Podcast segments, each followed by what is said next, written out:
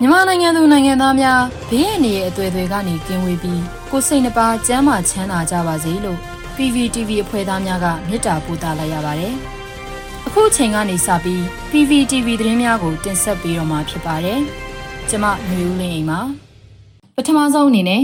ပြည်သူရင်ဝင်ခုလုံမဲ့ပြည်သူတက်မတော်သားတွေနဲ့ပြည်သူရဲတပ်ဖွဲ့ဝင်တွေအတွက်အမျိုးသားညီညွတ်ရေးအစိုးရကာကွယ်ရေးဝန်ကြီးဌာနကညွှန်ကြားချက်တရက်ထုတ်ပြန်လိုက်တဲ့သတင်းကိုတင်ဆက်ပေးမှာဖြစ်ပါတယ်။ ပြည်သူရင်ဝင်ခုလုံမဲ့ပြည်သူတက်မတော်သားတွေနဲ့ပြည်သူရဲတပ်ဖွဲ့ဝင်တွေကိုပြည်သူနဲ့အမျိုးသားညီညွတ်ရေးအစိုးရကအထူးကုန်ပြုကြိုဆိုပြီးလိုအပ်တဲ့ကူညီဆောင်ရှောက်မှုတွေလှုပ်ဆောင်သွားမှာဖြစ်တယ်လို့ပြည်သူကိုပုံကန်ဆန့်ကျင်တဲ့စစ်ကောင်စီရဲ့ကပိုက်ဆောင်လက်ကင်တုပ်အကြမ်းဖက်သမားတွေကိုလည်းပြည်သူ့ကာကွယ်ရေးတပ်မတော်နဲ့မဟာမိတ်တွေကပြင်းထန်စွာတုံ့ပြန်အရေးယူသွားမှာဖြစ်တယ်လို့သတိပေးခဲ့ပါတယ်။မြို့သားညီညွတ်ရေးအစိုးရကာကွယ်ရေးဝန်ကြီးဌာနကဩဂုတ်လ28ရက်မှာပြည်သူ့တပ်မတော်သားတွေ ပြည်သူ့ရဲတပ်ဖွဲ့ဝင်တွေကိုညွှန်ကြားချက်တစ်စောင်ထုတ်ပြန်ခဲ့တာမှာအခုလိုသတိပေးခဲ့တာပါ။ပြည်သူ့တပ်မတော်သားတွေပြည်သူ့ရဲတပ်ဖွဲ့ဝင်တွေနဲ့ပတ်သက်တဲ့အမျိုးသားညီညွတ်ရေးအစိုးရရဲ့မူဝါဒကိုဩဂုတ်လ23ရက်ကထုတ်ပြန်ကြေညာခဲ့ပြီးအဲ့ဒီမူဝါဒတွေနဲ့အညီကာကွယ်ရေးဝန်ကြီးဌာနကအခုလိုညွှန်ကြားချက်တွေကိုထပ်မံထုတ်ပြန်ခဲ့တာဖြစ်ပါတယ်။ကာကွယ်ရေးဝန်ကြီးဌာနကထုတ်ပြန်ခဲ့တဲ့ညွှန်ကြားချက်ထဲမှာတရားမဝင်အာဏာသိမ်းစစ်ကောင်စီရဲ့အမိန့်တွေညွှန်ကြားချက်တွေကိုနာခံခြင်းမပြုဖို့ ပြည်သူ့ကာကွယ်ရေးတပ်မတော်နဲ့မဟာမိတ်တွေကိုဟန်တာနှောက်ယှက်တိုက်ခိုက်ခြင်းမပြုဖို့ပြည်သူကိုဖမ်းဆီးခြင်းညှဉ်းပန်းနှိပ်စက်ခြင်းတပ်ဖြတ်ခြင်းမပြုဖို့နဲ့ပြည်သူလူထုပိုင်အိုးအိမ်နဲ့ပစ္စည်းဥစ္စာတွေကိုလူယူခြင်းဖျက်ဆီးခြင်းမပြုဖို့စတဲ့အချက်တွေပါဝင်ပါတယ်။ဒါအပြင်ပြည်သူရှင်ဝင်ကိုခိုလုံပူးပေါင်းမဲ့ပြည်သူသားကောင်းတပ်မတော်သားတွေနဲ့ရဲတပ်ဖွဲ့ဝင်တွေကိုလိုအပ်တယ်လို့ကူညီနိုင်ဖို့နဲ့မှတ်တမ်းတင်ဂုဏ်ပြုနိုင်မှုအတွက် အမျိုးသားညီညွတ်ရေးအစိုးရကိုအမြန်ဆုံးဆက်သွယ်စီးရင်ပေးသွင်းကြဖို့တိုက်တွန်းထားပြီးဆက်သွယ်ရမယ့် Telegram Channel ဖြစ်တဲ့ t.me/myanmarpeople ကိုလည်းကြေညာချက်မှာဖော်ပြထားတာတွေ့ရပါတယ်။အမျိုးသားညီညွတ်ရေးအစိုးရကဩဂုတ်လ23ရက်နေ့မှာထုတ်ပြန်ခဲ့တဲ့ပြည်သူ့တပ်မတော်သားတွေပြည်သူ့ရဲတပ်ဖွဲ့ဝင်တွေနဲ့ပတ်သက်တဲ့မူဝါဒထုတ်ပြန်ချက်မှာအကြမ်းဖက်စစ်ကောင်စီနဲ့လမ်းခွဲပြီးပြည်သူရင်ဝင်ခိုလုံမှုဝန်ခံကတိပြုတဲ့တပ်မတော်သားတွေနဲ့ရဲတပ်ဖွဲ့ဝင်တွေကို ပြည်သူသားကောင်းများအဖြစ်အတိအမှတ်ပြုပြီးအဲ့ဒီတပ်ဖွဲ့ဝင်တွေရဲ့လုံသက်ယာရုနဲ့ပင်စင်တွေကိုအမျိုးသားညီညွတ်ရေးအစိုးရကဆက်လက်တာဝန်ယူမှာဖြစ်တယ်လို့ဖော်ပြထားပါတယ်။လက်တလောလိုအပ်တဲ့အသက်လုံခြုံမှုမိသားစုဘဝလုံခြုံမှုနဲ့ဘဝရည်တည်မှုတွေကိုအမခံနိုင်တဲ့ကုညီဆောင်ရှောက်မဲ့အစီအမံတွေချမှတ်ဆောင်ရွက်သွားမှာဖြစ်တယ်လို့ပြည်သူရင်ဝင်ခိုလုံမဲ့တရင်တပ်ဖွဲ့တွေတပ်ဖွဲ့ဝင်တွေကိုတိုက်ခိုက်ခြင်းဒဏ်ခတ်ခြင်းမပြုလုပ်ဖို့ပြည်သူ့ကာကွယ်ရေးတပ်မတော်နဲ့မဟာမိတ်တွေကို အတိပေးညီနိုင်အကြောင်းကြားထားမယ်လို့လည်းပါရှိပါတယ်။အဲ့ဒီတရင်တပ်ဖွဲ့တွေတပ်မတော်သားတွေနဲ့ရဲတပ်ဖွဲ့ဝင်တွေဟာအသက်ပြန်ဖွဲ့မဲ့ဖက်ဒရယ်ပြည်ထောင်စုတပ်မတော်နဲ့ရဲတပ်ဖွဲ့မှာအရေးကြီးတဲ့အခန်းကဏ္ဍကဆက်လက်ပါဝင်ပူးပေါင်းနိုင်မဲ့အစီအစဉ်တွေကိုလည်းချမှတ်ထားရှိမယ်လို့အမျိုးသားညီညွတ်ရေးအစိုးရကထုတ်ပြန်ထားပါတယ်။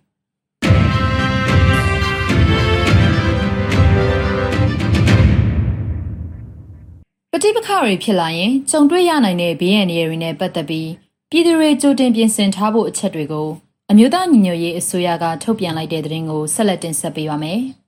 ။ပဋိပက္ခတွေဖြစ်လာရင်ကြုံတွေ့ရနိုင်တဲ့ဘေးအန္တရာယ်တွေနဲ့ပတ်သက်ပြီးပြည်သူတွေကြိုတင်ပြင်ဆင်ထားဖို့အချက်တွေကိုအမျိုးသားညီညွတ်ရေးအစိုးရလူသားချင်းစာနာထောက်ထားရေးနဲ့ဘေးအန္တရာယ်ဆိုင်ရာစီမံခန့်ခွဲရေးဝန်ကြီးဌာနကထုတ်ပြန်လိုက်ပါတယ်။ဘေးအန္တရာယ်ဆိုတာမှာတဘာဝဘေးတာမကလူကြောင့်ဖြစ်တဲ့ဘေးနဲ့ပဋိပက္ခတွေကြောင့်ဖြစ်တဲ့ဘေးတွေလည်းပါဝင်ကြောင်း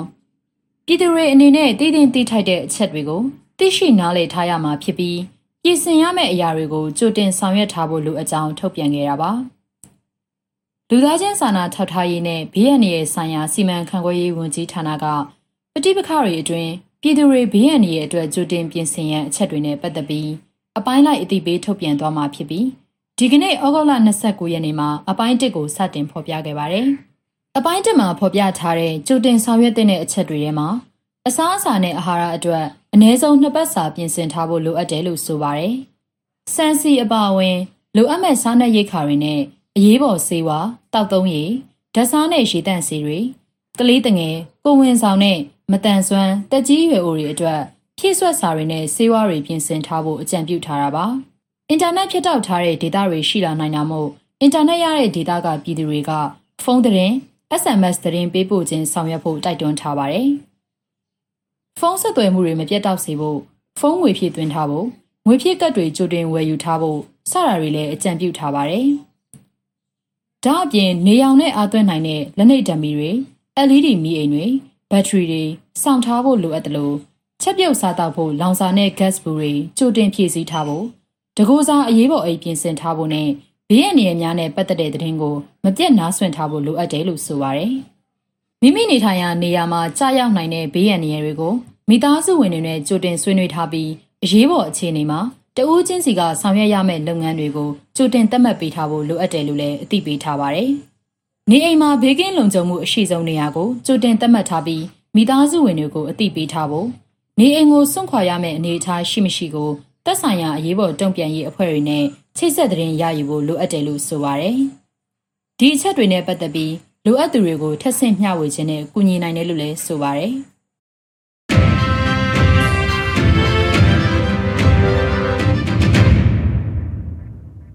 အခုနောက်ဆုံးအနေနဲ့ကရင်နေဒေသမှာမနေ့ကတိုက်ပွဲလေးစိမ်ဖြစ်ပွားခဲ့တာအပါအဝင်ဩဂုတ်လအတွင်းတိုက်ပွဲဖြစ်ပွားမှု20ကြိမ်ခန့်ရှိခဲ့တယ်လို့ကရင်နေအမျိုးသားကာကွယ်ရေးတပ်ဖွဲ့ KNDF ကထုတ်ပြန်ခဲ့တဲ့သတင်းကိုတင်ဆက်ပေးမှာဖြစ်ပါတယ်။ကရင်ပြည်ဒေသမှာမနေ့ကတိုက်ပွဲလေးစိမ်ဖြစ်ပွားခဲ့တာအပါအဝင်ဩဂုတ်လအတွင်းတိုက်ပွဲဖြစ်ပွားမှု20ကြိမ်ခန့်ရှိခဲ့တယ်လို့ကရင်ပြည်အမျိုးသားကာကွယ်ရေးတပ်ဖွဲ့ KNDF ရဲ့ထုတ်ပြန်ချက်တွေအရသိရပါတယ်။ဩဂုတ်လ28ရက်ကကယားပြည်နယ်လွိုက်ကော်မြို့နယ်လွိုင်လေးလေးဒေသမှာ KNDF နဲ့ကရင်ပြည်တပ်မတော် KA ပူးပေါင်းအဖွဲ့ဟာထိုးစစ်ဆင်လာတဲ့စစ်ကောင်စီတပ်ကို ခုခံတိုက်ခိုက်ခဲ့လို့တိုက်ပွဲလေးကြိမ်ဖြစ်ပွားခဲ့တယ်လို့ KNDF ကဆိုပါတယ်။လွိုင်းလင်းလေးဒေသကွန်နာကျေးရွာအနီးမှာတိုက်ပွဲတစ်ကြိမ်ဒေါ်တဟေးကျေးရွာအနီးမှာတိုက်ပွဲ၃ကြိမ်ဖြစ်ပွားခဲ့တာလို့ထုတ်ပြန်ခဲ့ပါတယ်။အဲ့ဒီတိုက်ပွဲတွေမှာစစ်ကောင်စီတပ်ကတိတ်ဆုံးတိုက်ခိုက်မှုတွေရှိပေမဲ့အရေးအတွက်ကိုအတိအကျအတိမပြုနိုင်သေးကြောင်းနဲ့အဲ့ဒီတိုက်ပွဲတွေမှာအကြမ်းဖက်စစ်ကောင်စီတပ်တွေစီကလက်နက်ခဲယမ်းအချို့တင်ဆက်ရမိခဲ့တယ်လို့ KNDF ကထုတ်ပြန်ခဲ့ပါတယ်။ စစ်ကောင်စီတပ်ရဲ့ထိုးစစ်ဆင်မှုတွေကြောင့် KND ဒေသမှာတိုက်ပွဲဖြစ်ပွားမှုတွေပုံမကျပြန့်လာသလိုဒေသခံတွေကိုစစ်ကောင်စီတပ်ကဖမ်းဆီးတာတွေလည်းပိုများလာတယ်လို့ဒီမော့ဆိုဒေသခံတအူးကပြောပါရယ်စစ်ကောင်စီတပ်ဟာတိုက်ပွဲဖြစ်ပွားရာဒေသတွေအနီးမှာရှိတဲ့ကျေးရွာတွေကဒေသခံတွေကိုဖမ်းဆီးပြီးလမ်းပြလုပ်ခိုင်းတာဒဇာကန်အဖြစ်ဖမ်းဆီးတာတွေရှိတယ်လို့ကရင်ပြည်လက်နက်ကင်တပ်ဖွဲ့တွေကထုတ်ပြန်ထားပါတယ်စစ်ကောင်စီတပ်ကဖမ်းဆီးထားတဲ့သူတွေကို စစ်ဝတ်စုံဝတ်ဆင်စေပြီးလက်ပြန်ကြိုးတုပ်ခေါ်ဆောင်သွားတဲ့ဓာတ်ပုံတွေနဲ့အတူထုတ်ပြန်ခဲ့တာဖြစ်ပါတယ်။မေလာကစပြီးတိုက်ပွဲတွေဖြစ်ခဲ့တဲ့ကရင်နီကရားဒေသမှာတိုက်ပွဲတွေပုံမဖြစ်ပွားလာတာကြောင့်စစ်ဘေးရှောင်ရတာအပြင်တောလာရေးအခက်အခဲများလည်းပိုဖြစ်လာတယ်လို့ဒေသခံတအုပ်ကပြောပါတယ်။ဒီဩဂုတ်လအတွင်းတိုက်ပွဲဖြစ်ပွားရာဒေသတွေကကရားပြည်နယ်ဖရူဆိုဒီမော့ဆိုဘောလခဲဘရိုက်ကော်နဲ့ရှမ်းပြည်နယ်တောင်ပိုင်းဖေခုံမြို့နယ်တွေဖြစ်ပါတယ်။ အဲ့ဒီတိုက်ပွဲတွေမှာ KND လက်နက်ကင်ပူးပေါင်းတပ် KNDF KA တို့နဲ့အတူဖဲခုံဒီမော့ဆိုမိုးပြဲစတဲ့ဒေသတွေကဒေသခံပြည်သူ့ကာကွယ်ရေးတပ်တွေလည်းအတူပူးပေါင်းပြီးစစ်ကောင်စီကိုခုခံခဲ့တာရှိပါတယ်။စစ်ကောင်စီကအင်အားဖြည့်တင်ပြီးစစ်ရေးလှုပ်ရှားမှုတွေပုံမပြုလုပ်နေရကြောင်းတိုက်ပွဲတွေပိုဖြစ်လာနိုင်တယ်လို့လည်း KNDF ကထုတ်ပြန်ထားပါတယ်။